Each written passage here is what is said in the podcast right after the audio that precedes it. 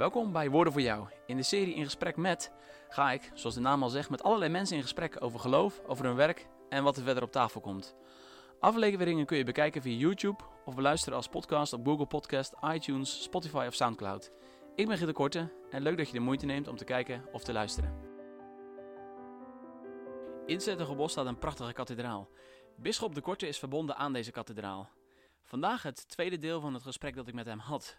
We hebben het onder andere over de manier waarop hij omgegaan is met de coro- coronacrisis. En ook nog een heleboel andere onderwerpen. Veel luisterplezier toegewenst. Bisschop de Korte, heel leuk dat ik eh, nog een tweede aflevering met u eh, mag maken. Ja, allebei eh, dezelfde naam. Eh, maar wel ja, heel verschillend opgegroeid, eh, denk ik. Zeker. Dat, dat, eh, dat blijkt wel. Maar Ja. ja. ja, tegelijk ook wel allebei theoloog. En dat geeft ook weer een stukje verbondenheid. Ehm, en fijn dat u inderdaad de tijd neemt om in gesprek te gaan met mij. Eh, ja, ik ben heel erg benieuwd eigenlijk. U bent hier bisschop in uh, Zuid-Bos. En eh, ja, hoe ervaart u deze coronatijd? Want dat is een, zeker in Brabant een heftige tijd eh, geweest. Zeker, de eerste golf was heel dramatisch. Dus vanaf maart eh, eh, ging natuurlijk alles op slot. Wij mochten ook niet meer vieren in, met open kerken. Hè. Dus de, de, de kerken mochten wel open zijn buiten de liturgie, maar als er gevierd werd niet. Ehm, gelukkig hebben we de livestream ontdekt. Hè. Dus de techniek helpt om dan toch nog de vieringen in huis te, te krijgen. Eh, maar wat hier natuurlijk het, het spannende was, dat, dat de, tijdens de eerste golf eh, er ontzettend veel ehm, eh, besmettingen waren. En dus ook buitengewoon veel zieken en, en, en sterfgevallen. En er zijn bepaalde delen in de bisdom waar, waar nou de, vele tientallen mensen gestorven zijn. Recent hadden wij eh Allerzielen, in 2 november. En bijvoorbeeld in de parochie van Uden zijn 145 doden herdacht. eh, die of aan corona of anderszins in het afgelopen jaar gestorven zijn. Dus het, waren hele grote getallen. Ik heb, dat ook, eh, ik heb die periode heb ook brieven geschreven aan de gelovigen. Twaalf brieven ter bemoediging tussen zeg maar, maart en de zomer. Ehm, om, om vanuit mijn positie als bisschop eh, toch ook de gelovigen een hart onder de riem te steken. En die brieven zijn gebundeld in een boek dat heet Het Verdriet van Brabant. Waarin ook verhalen staan van pastores die bijvoorbeeld al die uitvaarten moesten doen. Maar ook van oversten van kloosters waar eh, zusters gestorven zijn. Dus in Tilburg was er een klooster met 13 doden. Ehm, in in eh, Schijndel met 10. Ehm, dus, dus vaak als in zo'n klooster dat virus eh, aanwezig was, dan hebben zusters elkaar vaak ook eh, aangestoken. Zoals je dat ook wel hoort in verpleeghuizen natuurlijk. Ja, ja. En eh, dat was best een heftige, heftige tijd. Ja. Ja, eh, en ehm, u, u noemt net zelf inderdaad van u, ehm, dat ja, maar dat lijkt me gewoon heel erg intens. Zeker als het om zulke grote aantallen gaat. Dat inderdaad, nou, hoeveel Ja, mensen in een gemeente zijn dan? En dat mensen, mensen ook nauwelijks eh, goed afscheid konden nemen. Hè? Want er moest een heel klein verband gebeuren. Mochten maar heel mensen bij de uitvaart zijn. Er waren allerlei veiligheidsvoorschriften ook weer rondom de uitvaart. Heel veel mensen zijn, zijn vrij eenzaam gestorven ook. Hè? Ehm, dus dat was... eh, eh, ja, ik ken het gelukkig alleen uit de verhalen. Ik heb het niet in mijn eigen familie- of vriendenkring meegemaakt. Maar de verhalen zijn heel schrijnend. Ehm, niet alleen het sterven, maar ook vaak de laatste fase... eh, de eenzaamheid die er was in die laatste fase. Terwijl je juist als mensen op sterven liggen, is hoe belangrijk dat er natuurlijk ook eh, verbondenheid is met, eh, met dierbaren. ja, dat mensen er zijn voor je. En, eh, Ja, ja, het moet allemaal op afstand vanwege besmettingsgevaar. ja, ja. Ja. En nu in de tweede golf is het dan minder? Of hoe, Ja, ik vind, ik vind de tweede golf hier in Brabant heel anders. Het is nu vooral de Randstad waar de golf het hoogst is. Ook zijn hier trouwens veel besmettingen. Maar ik merk ehm, dat bijvoorbeeld de saamhorigheid een stuk minder is. Oh, ja. Daar maak ik ook wel wat zorgen over. Je hebt natuurlijk toch nu allerlei stemmen die eh, protesteren tegen de maatregelen van de overheid. Eh, het gezamenlijk het virus bestrijden was in de eerste golf in mijn beleven sterker aanwezig dan nu. En ehm, nou ja, er is natuurlijk een bepaalde lockdown weer, maar toch weer anders dan de intelligente lockdown van de eerste golf. Ja, ja. Of althans op dit moment. Hè, we praten nu begin november. Ehm, ehm, ik merk wel dat heel veel mensen onzeker zijn. Dat mensen ook psychisch eh, het lastig hebben. Eh, eh, dat ze gewoon zeggen, ja, ehm, een ander kan je besmetten. Eh, hoe gaat het met de economie? Ehm, hopelijk wordt niet ziek. Dus er zit heel veel onrust. Een soort, soort onderhuidse onrust, onbehagen. Bij, bij heel veel mensen die die het leven niet altijd gemakkelijk maakt. Nee, Ja, de taak van de kerk om dan toch zeg maar, iets van hoop te blijven verkondigen en te blijven wijzen dat, dat, dat niet het virus de, de koning van de wereld is, maar dat God dat is.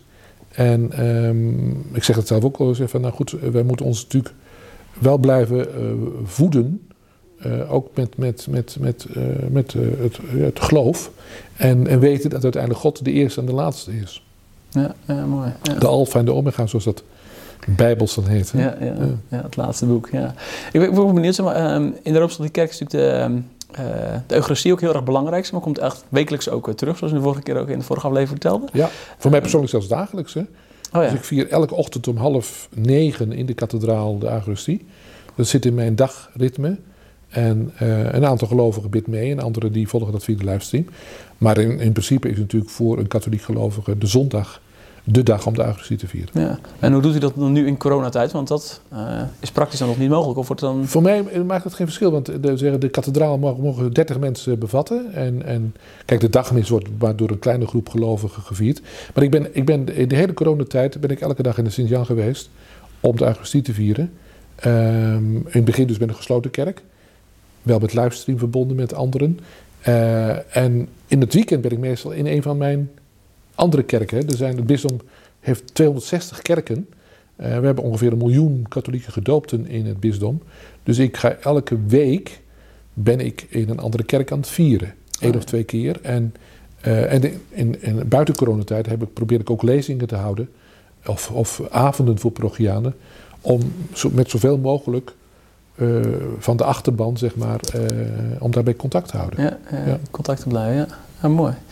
Ja, wat, wat ik zelf altijd merk als het gaat om de Rooms-Katholieke Kerk, dat het een soort van ver van mijn bed show is. ik weet natuurlijk dat het er is. En als ik op vakantie ben, dan bezoek ik ook een, een Rooms-Katholieke Kerk en dan vind ik dat mooi. Ja. maar de inhoudelijke ontmoeting, ja, die vindt eigenlijk heel weinig plaats, in ieder geval in mijn kring, zeg maar. Ik, ik geef les op een protestant of een school op reformatorische grondslag, een christelijke school. Ja. En ja, ik merk dat daar eigenlijk heel weinig oog voor is. Hoe, hoe zou dat komen? Heeft u daar een uh, idee bij? Ja, nou, de, de, de, de, de ecumene is natuurlijk begonnen uh, met, met, met mainstream reformatie, denk ik. Hè? Dus met de PKN en met de, kerken daarnaast wel. ik ben dus, dus de, de, de, de, de, de, kleine, kleine ecumene van, van, van christelijk geformeerd vrijgemaakt Nederlands gereformeerd. Ik merk ook dat evangelische christenen toenadering zoeken tot de katholieke kerk. Maar ik vermoed dat er nog een, een, groep van protestantse kerken is, reformatorische kerken is, die eigenlijk met het ecumenische gesprek niet meedoen. He, dus ja. ik denk Nederlands, uh, of hoe heet het, hersteld hervormd. En, en de, de gemeenten in Nederland, die hebben wat dat betreft een, een zekere uh, afstandelijkheid als het gaat om de contacten. Uh, en volgens mij hebben u veel leerlingen juist op Uit uw die, school eh, die uit die kerken komen. Ja, ja. Ja. En wat zou u, eh, want er wordt nu ook helemaal geen, ja, mijn eh, onderwijs over de Rooms-Katholieke Kerk eindigt zeg maar eh, bij de Reformatie. Dus dat is zeg maar, eh, Wel de vroege kerk in de middeleeuwen. ja, dat wel allemaal. Ja. Maar dan de Reformatie inderdaad. En dan nemen we afscheid van de Rooms-Katholieke Kerk en eigenlijk daar blijven ook de beelden staan. En Ja. alsof er verder niks veranderd is. Ja. Ja, Eh, ik zou dan zeggen, ja, als historicus is natuurlijk elke, elke periode interessant, ook de 16e en de 17e, 18e eeuw. Maar ik zou zeggen, voor, voor, eh, om, om eh, iets van het katholicisme te begrijpen voor de leerlingen vandaag, zou ik toch ook aandacht besteden aan de katholieke emancipatie. Dus we hebben natuurlijk toch de verzuilde tijd gehad met, met socialisten, met liberalen, met protestanten en rooms-katholieken. Nou, protestanten hebben ook een hele emancipatietijd gehad. Denk maar aan, aan het werk van Abraham Kuyper. Eh, hè, dus de kleine luiden die, die werden eh, eh, geëmancipeerd. En eigenlijk hebben de katholieken na de grondwet van Thorbecke van 1848 in Nederland ook zo'n emancipatieperiode gehad. Ehm, met veel kerkenbouw, met, met, met kloosters die gebouwd werden, met, ehm, met een enorme organisatie van het, van het katholieke leven en de achterstand die ontstaan was. Ehm, hè, want de katholieken waren natuurlijk toch in de, in de, in de 17e, 18e eeuw tweederangs burgers Ja. mochten geen eh, ambtenaar zijn, eh, moesten ook eh, in schuilkerken vieren. Ehm, nou, dat, dat, dat is na de Franse tijd allemaal verdwenen. Maar daarna moesten, hadden ze nog een hele inhaalslag te maken. Dus dat is denk ik interessant om te weten voor, voor leerlingen ook van uw school. Mhm. En ik zou zeggen, als het gaat om de grote kerk, om, de, om het katholicisme op wereldniveau beter te leren kennen, zou ik ook toch aandacht besteden aan het Tweede Vaticaans Concilie. wat plaats heeft gevonden tussen 1962 en 1965. Ehm, daar zijn prachtige uh, filmbeelden ook van. Dus dat ah, bijvoorbeeld de hele Sint-Pieter was verbouwd tot vergaderzaal. Hè. Er waren 2500 bisschoppen uit de hele wereld waren daar samengekomen. En bijvoorbeeld de openingsviering, eh, die, die, die heb ik zelfs hier op een documentaire gezien. Dan zie je dus die 2500 bisschoppen allemaal het Sint-Pietersplein overtrekken, zo de Sint-Pieter in. En ze hadden aan beide kanten hadden ze loges gebouwd, waar ze zo allemaal in logeformaat uh, zaten. Uh, en de paus was daarbij aanwezig. En we hebben dus een aantal sessies gehad tussen 1962 en 1965. En dat heeft een enorme um, wat ze dan noemen argionamento opgeleverd. Een, een bij de tijd brengen van de katholieke kerk. Uh, en dus een, een, een, een, een, een, een dialoog ook met, met de cultuur. Oh ja. En dat betekende Bijbelbeweging, hè, dus een, een, een, hernieuwde studie van de Heilige Schrift. En het belang van de Heilige Schrift ook voor het, voor het geloofsleven. Ook een liturgische beweging, hè, dus, dus terug ook naar, naar uh, de, de vroege kerk en naar een vereenvoudiging van de liturgie. Maar ook uh, een sociale beweging. Hè, dus de, de, de betekenis van de kerk voor, uh, voor de samenleving en voor het katholiek sociaal denken. Um, de ecumenische beweging niet te vergeten. Uh, en ook de, de, de, de ontmoeting met andere godsdiensten. Dus allemaal, al die thema's, die vind je terug in de documenten van het laatste concilie. En, en om iets van de katholieke wereldkerk te begrijpen, um, zou het denk ik voor de leerlingen goed zijn. Kijk, er zijn uh, iets van 2,5 miljard christenen in de wereld. En de helft daarvan, zo'n 1,3 miljard, uh, zijn rooms-katholiek. Ja, dus... dus in die zin denk ik dat het goed is ook voor uh, leerlingen uit de reformatorische kerk om iets te weten over ja, toch de, de betekenis van het katholicisme. Bijvoorbeeld in het spreken van Paus Franciscus op dit moment. Ik zou ook eh, de, zijn laatste encyclieken erg aanbevelen. Dus uh, Laudato Si van 2015 en heel recent uh, Fratelli Tutti. Hè, dus dat wij allemaal broeders en zusters van elkaar zijn. Dat zijn twee mooie teksten van Paus Franciscus die, denk ik ook, in het wereldchristendom uh, een grote invloed uitoefenen. Oh ja. Die zou ik dan ook moeten lezen met ze of moeten bespreken, in ieder geval stukjes daarvan. Het zijn, het zijn, het zijn lange teksten, maar het zou mooi zijn, denk ik, als... als ehm, uh, ja, ik, ik, denk toch dat Paus Franciscus vanuit mijn optiek een van de morele leiders uh, van de kerk uh, is. Maar niet alleen van de kerk, maar ook in de wereld. Hè. Er zijn maar weinig. We hebben natuurlijk heel veel autocraten op dit moment aan de mhm. macht. Helaas in steeds meer landen. Um, er wordt heel veel gelogen en er wordt heel veel. Um, nou ja, als we kijken wat in de Verenigde Staten gebeurt. Dat is natuurlijk toch een, een, een cultuur in crisis, denk ik. Hè. Twee blokken van, eh, van politici die elkaar het leven niet meer gunnen en elkaar het licht niet gunnen. Ik denk dat in heel veel landen zie je dit soort ontwikkelingen van polarisatie, van um, elkaar uh, met harde woorden uh, bejegenen. En ik denk dat, dat Paus Franciscus probeert om toch uh, al, die, al die verschillen te overstijgen. En in ieder geval een bruggenbouwer te zijn. Um, ook in belang van de toekomst van deze wereld. Ja, nou, ik denk dat dat ook een hele ja, dat, dat is vergelijk als, als ik kijk naar mijn eigen kerkverband, waar ik zeg maar deel van uitmaak. Dat is heel klein. Uh, nou, wel wat zustergemeentes dan in Noord-Amerika en Canada. Maar verder is natuurlijk de impact eigenlijk heel klein. Als je nu kijkt naar de pauze, nou, als de pauze wat zegt dan, uh, dat haalt het NOS. Ja, en dat heeft ook te maken natuurlijk met de omvang van, van, van de katholieke kerk. Wat ik zeg, 1300 miljoen uh, gedoopten in, de, in, de, in de wereld. de, de helft van het wereldchristendom is Rooms-Katholiek. Dat maakt natuurlijk de paus ook tot een belangrijke figuur als het gaat om, uh, om, uh, om het geestelijk leven en als ja. een morele, maar ook moreel leiderschap, zeg maar. Hè? Ja, ja, ja. ja, en tegelijk vind ik zelf, wat ik zelf altijd echt heel uh, heftig vind om te zien, is maar dat de afgelopen jaar, als je kijkt in Nederland, de Nederlandse situatie, dat de Rooms-Katholieke Kerk juist heel erg klein wordt en Zeker. het ene na het andere kerkgebouw ja, helaas. afgesloten ja, we hebben natuurlijk te maken met een, een proces van ontkerkelijking en van ontkerstening misschien ook wel. Hè? Want het, het, raakt natuurlijk niet alleen de, de, de, katholieke wereld, maar ook de protestantse wereld. Ja. Uh, met name de PKN heeft ook te maken natuurlijk met grote krimp. Uh, en dat betekent dat wij een minderheid zijn geworden in een, in een cultuur die qua in, in meerderheid um, ja, seculier is geworden. Je kunt daar ook trouwens nog weer vragen bij stellen: is dat wel zo? Er zijn ook wel waarnemers die zeggen: ja, de groep gelovigen is een minderheid en de groep ongelovigen is een minderheid. Dat is een hele grote middengroep. die tussen geloof en ongeloof, tussen religieuze onzekerheid en religieus verlangen in zit. Thomas Halik bijvoorbeeld, de Mhm. Tsjechische eh, theoloog, heeft daarover gesproken. Dat ze zei, ja, wat zien we nu eh, eigenlijk gebeuren? Er zijn heel veel ehm, eh, eh, mensen die onzeker zijn. Die door de ontwikkelingen in de samenleving, eh, maar ook in de wetenschap, eh, rond het godsbestaan onzeker zijn geworden. Dat is de erfenis ook van de verlichting, zou je kunnen zeggen, van de 18e eeuw. Ja. Ehm, maar tegelijkertijd blijft er, ehm, met het beroemde woord van Augustinus, onrust in het hart. Hè? Onrustig is ons hart dat de rust vindt in u. Hè? Ja. Misschien wel de bekendste zin uit de, uit de belijdenissen van de heilige Augustinus. En eh, dus die, die, die, die spanning van onzekerheid en verlangen, die is denk ik bij een hele brede groep van mensen ook aanwezig. En dat betekent ook ja, dat er een groot missionaire kans is ook. Hè? Dus ik, eh, wij, wij zeggen altijd, ik moet als bischop twee dingen doen. Ik moet de krimp begeleiden. Hè, er zijn gewoon te veel kerken gebouwd Ja. eh, in de tijd van het Rijke Roomse leven. Dat demotiveert. En tegelijkertijd heb ik de taak om missionair te zijn en te motiveren. Dus dat is een hele dubbele een dubbele, dubbele, dubbele eh, ontwikkeling tegelijkertijd. Want er is een grote groep mensen die wel nog aanspreekbaar is volgens mij op dat religieus verlangen. En dat wij eh, dat kunnen verbinden met de persoon van Jezus Christus. Dat lijkt mij de grote uitdaging voor niet alleen voor mijn kerk, maar geldt ook voor alle protestantse kerken. Ja, ja. Ook al heb je geen eh, last, om zo te zeggen, van de krimp.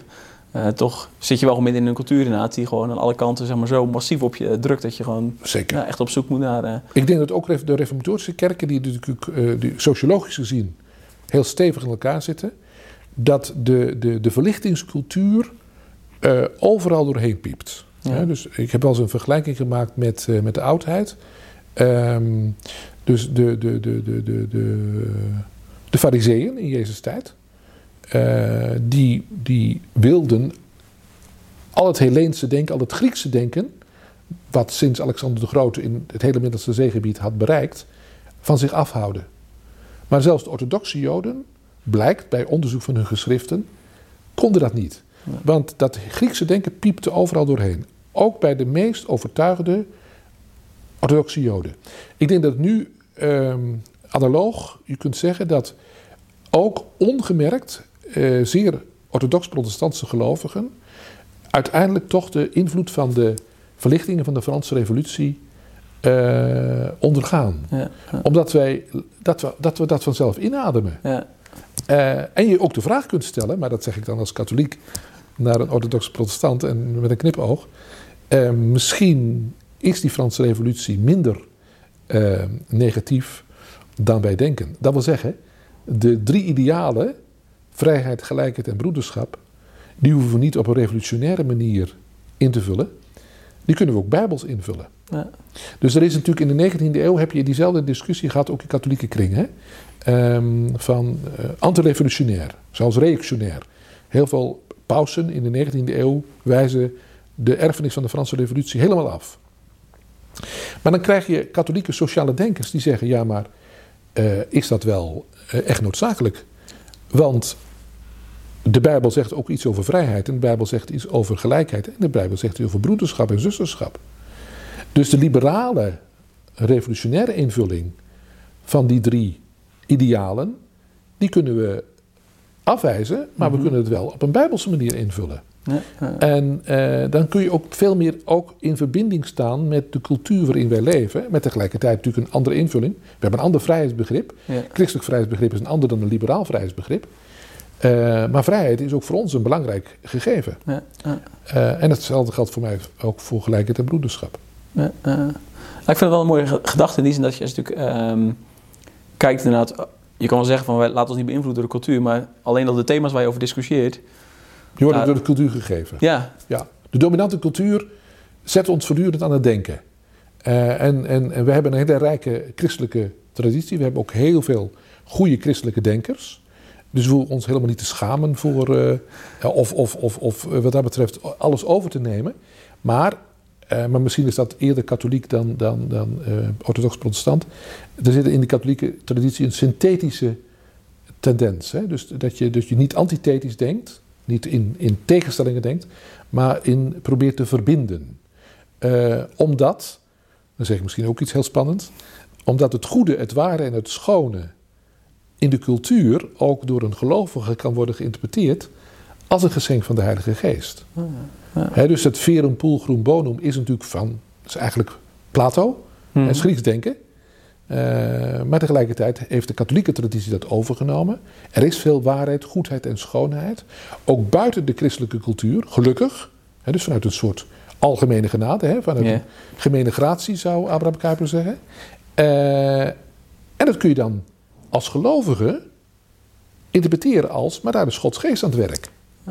Ja. Terwijl die mensen dat zelf uh, misschien niet helemaal zo zouden, zouden zien. Ik, ik ken humanisten die dus niet in God geloven, maar die uh, dat hele mooie mensen zijn. Uh, ik bedoel, moreel gezien. Ja, en, en, en goed leven, of proberen goed te leven. maar ook mensen uit andere godsdiensten die vanuit hun perspectief goed leven. Zonder daarmee de uniciteit van Christus te willen ontkennen. Hè? Ja, dus dat, is de andere kant. Ja. Precies. Ja. Dus, dus Christus blijft natuurlijk toch vanuit het Bijbels uh, uh, getuigenis de unieke openbaring en de laatste openbaring aan deze wereld. Ja. en, maar dat wil niet zeggen dat je daarmee al het andere wat er in de cultuur is.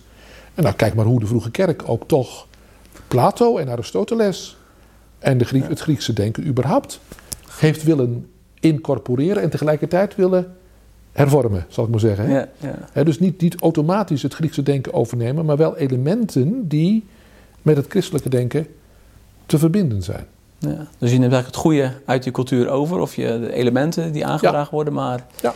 je bent tegelijk wel kritisch in en je toetst daar aan Wat je wel of niet kunt aanvaarden, want de, de, de, we weten dat de kerkvaders hebben, hebben voor het doordenken van de christelijke theologie gebruik gemaakt van, van Grieks-filosofische uh, uh, termen. Ja. Huh? Terwijl natuurlijk ook mensen zijn die juist daarop heel kritisch zijn op de vroege kerk. maar goed, dat is dan weer... Ja, maar dat vind ik toch voor mij, vanuit mijn perspectief als katholiek bischop lastig. Want wij zien juist in de katholieke traditie een enorme revival van kerkvaderstudie ja. en van het belang van de kerkvaders. Hè. Dus een tijd lang was, was heel sterk gericht op Thomas van Aquino. En met name dan ook weer een neoscholastieke, hè, dus een 19e eeuwse Thomas was er mhm. ontstaan. Nou, de echte Thomas, uh, de, de middeleeuwse Thomas, is vaak al veel, veel genuanceerder dan uh, zeg maar die neoscholastieke handboekentheologie. Maar je ziet bij het laatste concilie ook een teruggaan naar, eh, naar, de, naar, de, naar de grote figuren, naar, naar Ambrosius en naar Augustinus en naar Gregorius de Grote, nou, noem ze allemaal maar op. Hè? Ja. De, de, de, de, de, de, de, grote, de grote theologen van de eerste eeuwen. Als ons gemeenschappelijke erflaters ook. Hè? Ja, ja. Hoe, hoe, belangrijk was Augustinus niet voor Luther en voor Calvijn? Ja. Nou ja, als Calvijn het over de oudvaders heeft, dan heeft hij het niet over zichzelf, maar uh, nee, heeft het over, echt over de, nee, de vroege kerkvaders. Met name ook over Augustinus. Dat is natuurlijk heel belangrijk geweest voor de reformatoren. Ja. ja. Heeft u als eh, afsluiting iets wat u graag mee zou willen geven aan degenen die het gekeken hebben, die nagedacht hebben over uh, nou, verschil tussen Rooms-Katholieken en. Uh... Nou ja, ik begrijp, dit, dit, dit wordt bekeken door, door jonge mensen die opgevoed worden in orthodox-protestantse kerken, die weinig ervaring hebben, weinig contact hebben met Rooms-Katholieken. Ik hoop dat dit, dit, gesprek, of de beide gesprekken, als ze ze beide hebben gezien, in ieder geval hen kan, kan aanzetten om uh, daar wat meer over te lezen, om eens een keer een filmpje op te zoeken. Om iets, bijvoorbeeld een, een filmpje te bekijken van Paus Franciscus. Of uh, gewoon op YouTube eens een keer iets van de geschiedenis van de katholieke kerk. Want uh, onbemind, of onbekend maakt onbemind, is uitdrukking. En als je er meer van weet, dan kan in ieder geval, denk ik, er een stuk nuancering ontstaan. En kan ook ontdekt worden, hopelijk, dat wij uiteindelijk beide willen leven vanuit uh, Gods liefde zoals die in Jezus Christus zichtbaar is geworden. En dat dat, dat, dat christelijke fundament wat er is, hè, die, die, die, die, die, uh, die verbondenheid in Christus, dat we dat van elkaar mogen gaan ontdekken. Nou, mooi. Lijkt me een mooie oproep. En uh, ja, ik wil ook heel hartelijk bedanken voor wat u mee heeft willen geven en de tijd die u heeft gemaakt en het gesprek. Ik denk dat het heel... u, was, u was welkom. Dank u wel.